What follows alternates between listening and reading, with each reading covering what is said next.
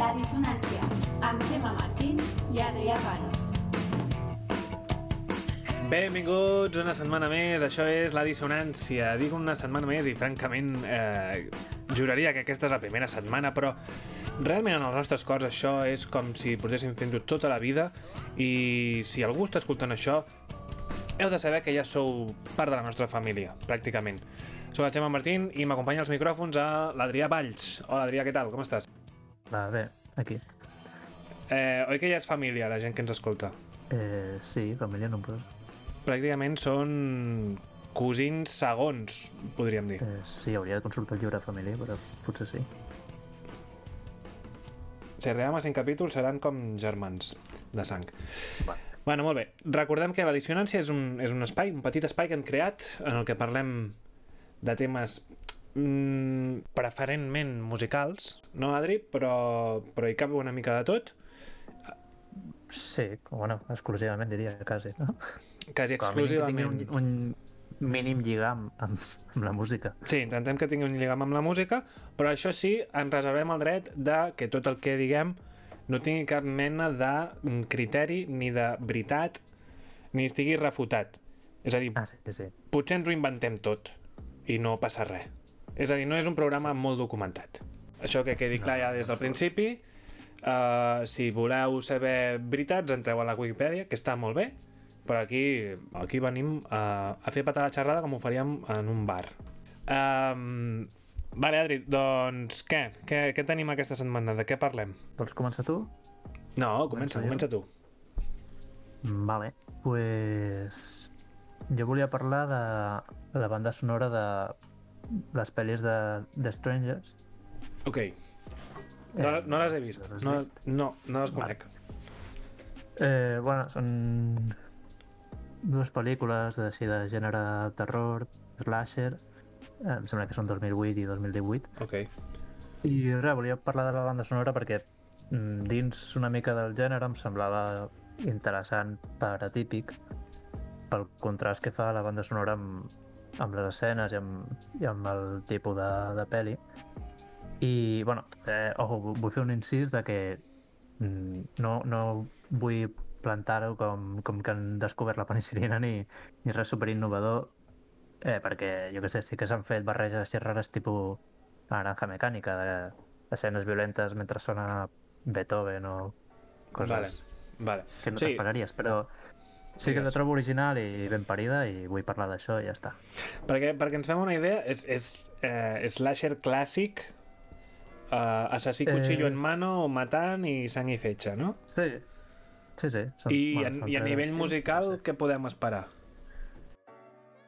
Eh, clar, bueno, el tema és aquest, que en aquest tipus de pel·lis normalment es tira de, de metal o de, jo què sé, de música així més, un score més tipus ambiental, jo què sé. Vale? Eh, I en aquest cas, eh, bueno, és diferent. I, per exemple, la primera pel·li Sí. eh, sobta molt el fet de que eh, les dos, bueno, pel que recordo, eh, parlo així una mica de memòria, les dues cançons que, que destaquen més són precisament una de la Joanna Newsom, que és així com indie folk, molt tranqui, Vale?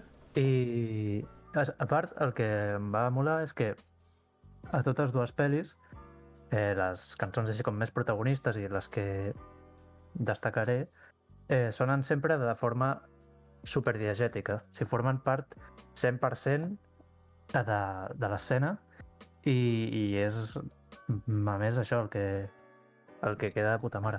Eh, És a dir, això, una era... Per, perquè ho entenguem tots, diegètica vol dir que els, els Que personatges l'estan part de- escoltant també, no? Com si digués. Sí, correcte. Vale, Sí, sí, no és de fons, sinó que sona a la pròpia escena de, vale. del que estàs veient. I això, una és de la, aquesta de la Joanna Newsom i, i una altra, que sonava també a la primera pel·li mm, de forma així recurrent, era una de Merle Haggard, que és així country, que a part la fan servir molt bé, com amb una mena de bucle que van creant amb un vinil, i, i hòstia, no ho pensaries mai, però precisament reforça un munt la tensió i, i la sensació aquesta com d'angoixa que, que pretén crear la peli i la veritat és que li queda collonut. Ja, home, és que la, la, ara ja et dic, no l'he vist, però m'ho estic imaginant i sí que és veritat que escoltar una cançó bon rotllera mentre estic veient com li tallen el coll a un senyor, segurament no em sentiré còmode. Sí, no, i de fet, és... Clar, potser aquest és el pas fàcil, és el de simplement eh, fots una música que no casa eh, amb una escena violenta, però m'agrada el fet de que està feta durant els moments previs, els de tensió, els de que, el que et vol generar com aquesta angoixa prèvia, és en aquells moments i, i precisament crec que és més difícil que en aquell moment eh, et funcioni algú fora de, de lloc. Per això crec que, no sé, està bastant encertada. Hòstia, saps de què m'estic recordant? De Jeepers Creepers. Has vist Jeepers Creepers? Que, que hi ha com Eh. 50 també? Hòstia, diria que la primera, però fa molts, molts anys. És que també m'he recordat ara que el mon era, un monstre que venia cada 100 anys o així, no sé, m'ho invento. Però, mm. però molava perquè el monstre, abans que t'ataqués, per la ràdio s'escoltava una cançoneta que començava Jeepers, Creepers, pa para pa para para pa para pa I, i també era com molt mal rotllero perquè escoltaves una música rotllo anys 20 així com per ballar swing i de cop i volta et queia un bitxarraco del cel t'obria el sostre del cotxe i et menjava el cervell Sí, sí, és el rotllo aquest d'una mica de música de Carrito de los helados, no? sí, I És el que ens agrada, no? Assassina. Bueno, sí. I després d'això, la segona pel·li també no és el, ni el mateix director ni res, eh? No sé si la banda sonora fa el mateix, tio. Veus que no m'he documentat gaire. Eh, perfecte, ideal però, bueno, Ideal. juguen una mica el mateix i en aquest cas el que fan és eh, com això, les mateixes escenes així macabres, la mateixa tensió típica de slasher i tal, però aquest cop ho barregen amb, amb música així super ochentera, pop així Vale. molt dels 80. Vale, synth pop, I- així de neon. Sí, no? bueno, sobretot, sobretot les dos que destaquen més, per el tema que també de ser diegètiques i tal, són dues de, de la Kim Wilde, que són la de Kids in America i la de Camboya. Vale? La de Kids in America surt només començar la peli i, i la de Camboya precisament quan sona és... Eh, bueno, si la vols posar... Per, Eh, Escoltem una aquesta? idea. Vols que escoltem Cambodia? Sí, li donem uns segonets. Vinga, anem a escoltar-la. Well,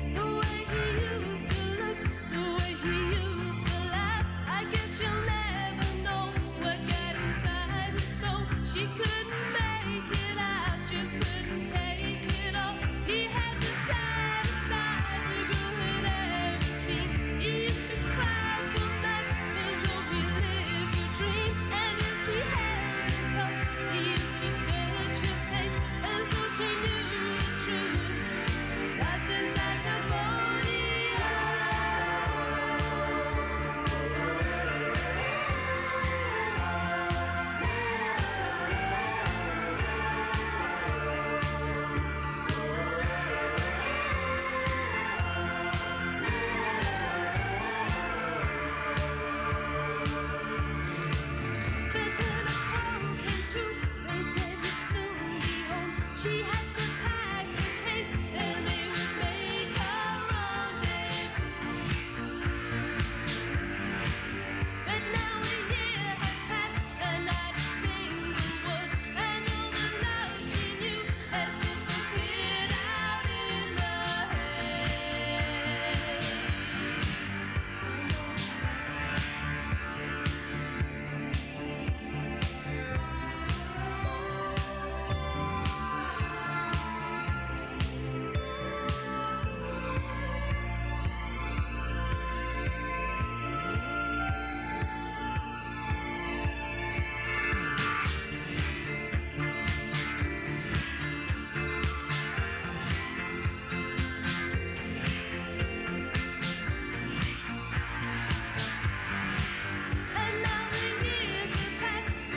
Això recordem que era Kim Wilde cantant Cambodia. Camboy. Sí.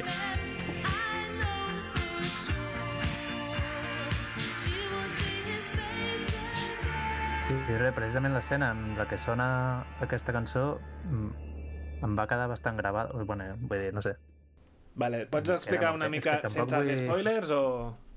Si has de fer spoilers, no. no, la veritat és que no. Vale, doncs ja està. no, pues, ho que, que es vegi, que sigui sorpresa. A qui li hagi agradat la cançó que es miri la pel·lícula, que tenen molt a veure. Això que hem escoltat Sí. ara és... Mm, en imatges és la pel·lícula. A qui li hagi agradat que ho vagi a buscar.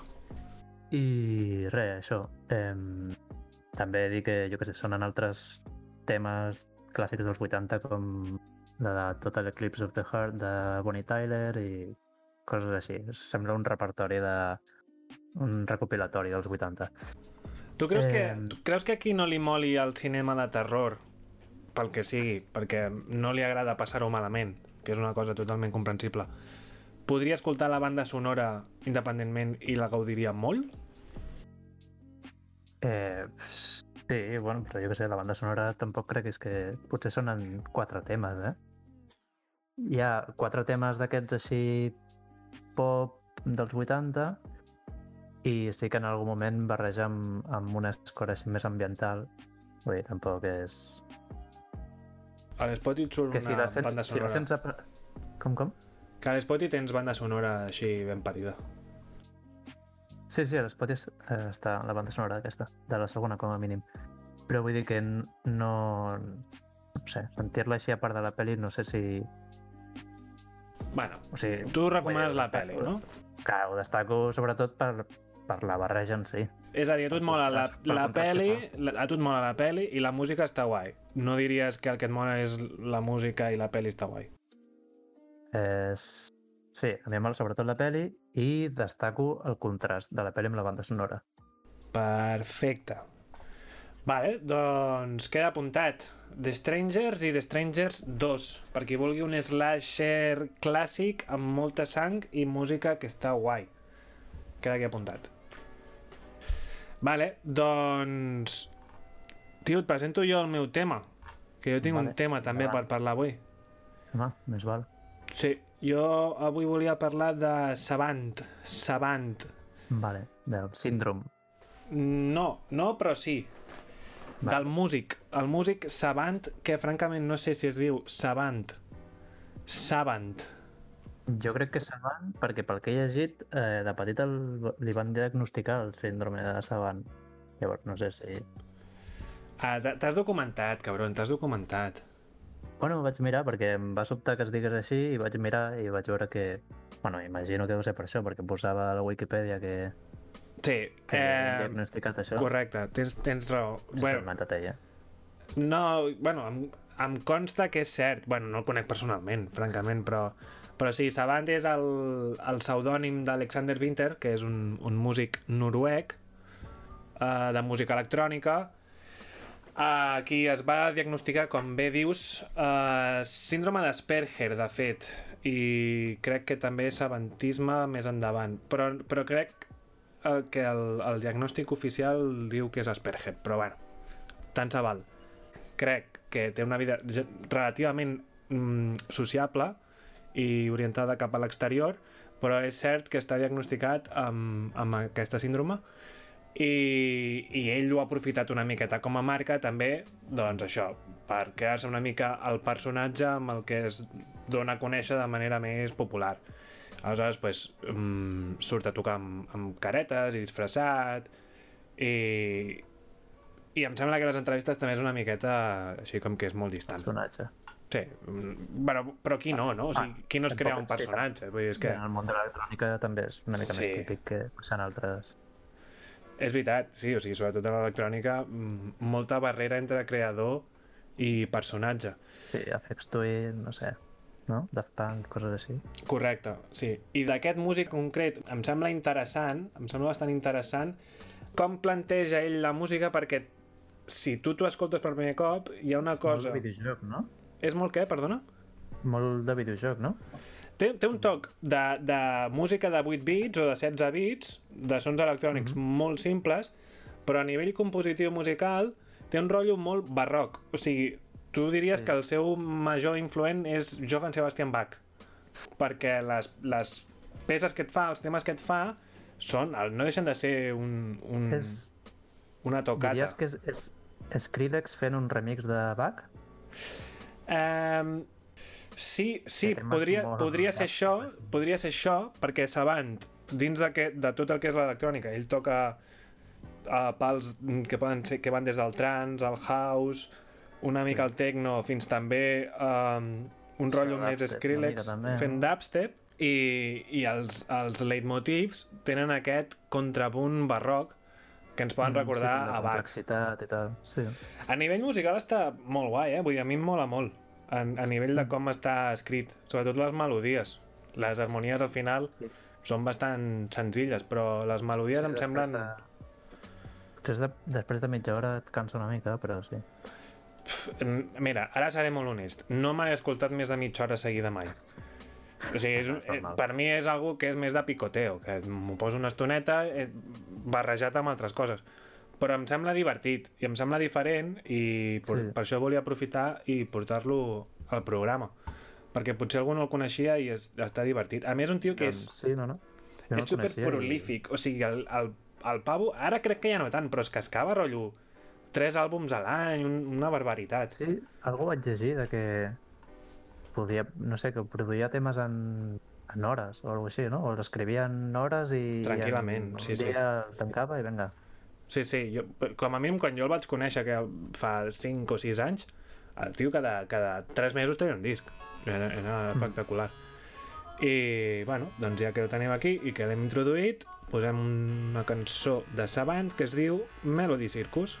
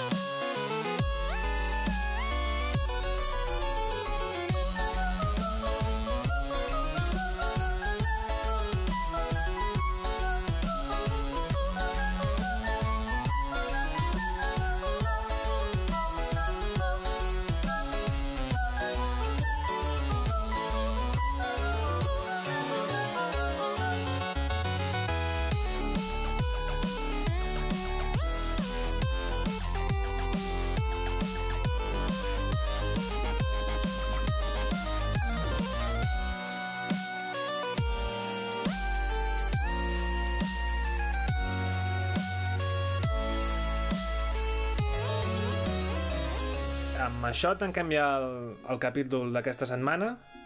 Adrià, ens veiem la setmana vinent, o com a mínim ens escoltem. Què et sembla? Eh, sí, espero que sí. Portarem cosetes noves, no? I calentetes per parlar? Eh, sí, ho intentaré. Perfecte. Doncs ens veiem la setmana vinent. Vinga, adéu. Adéu.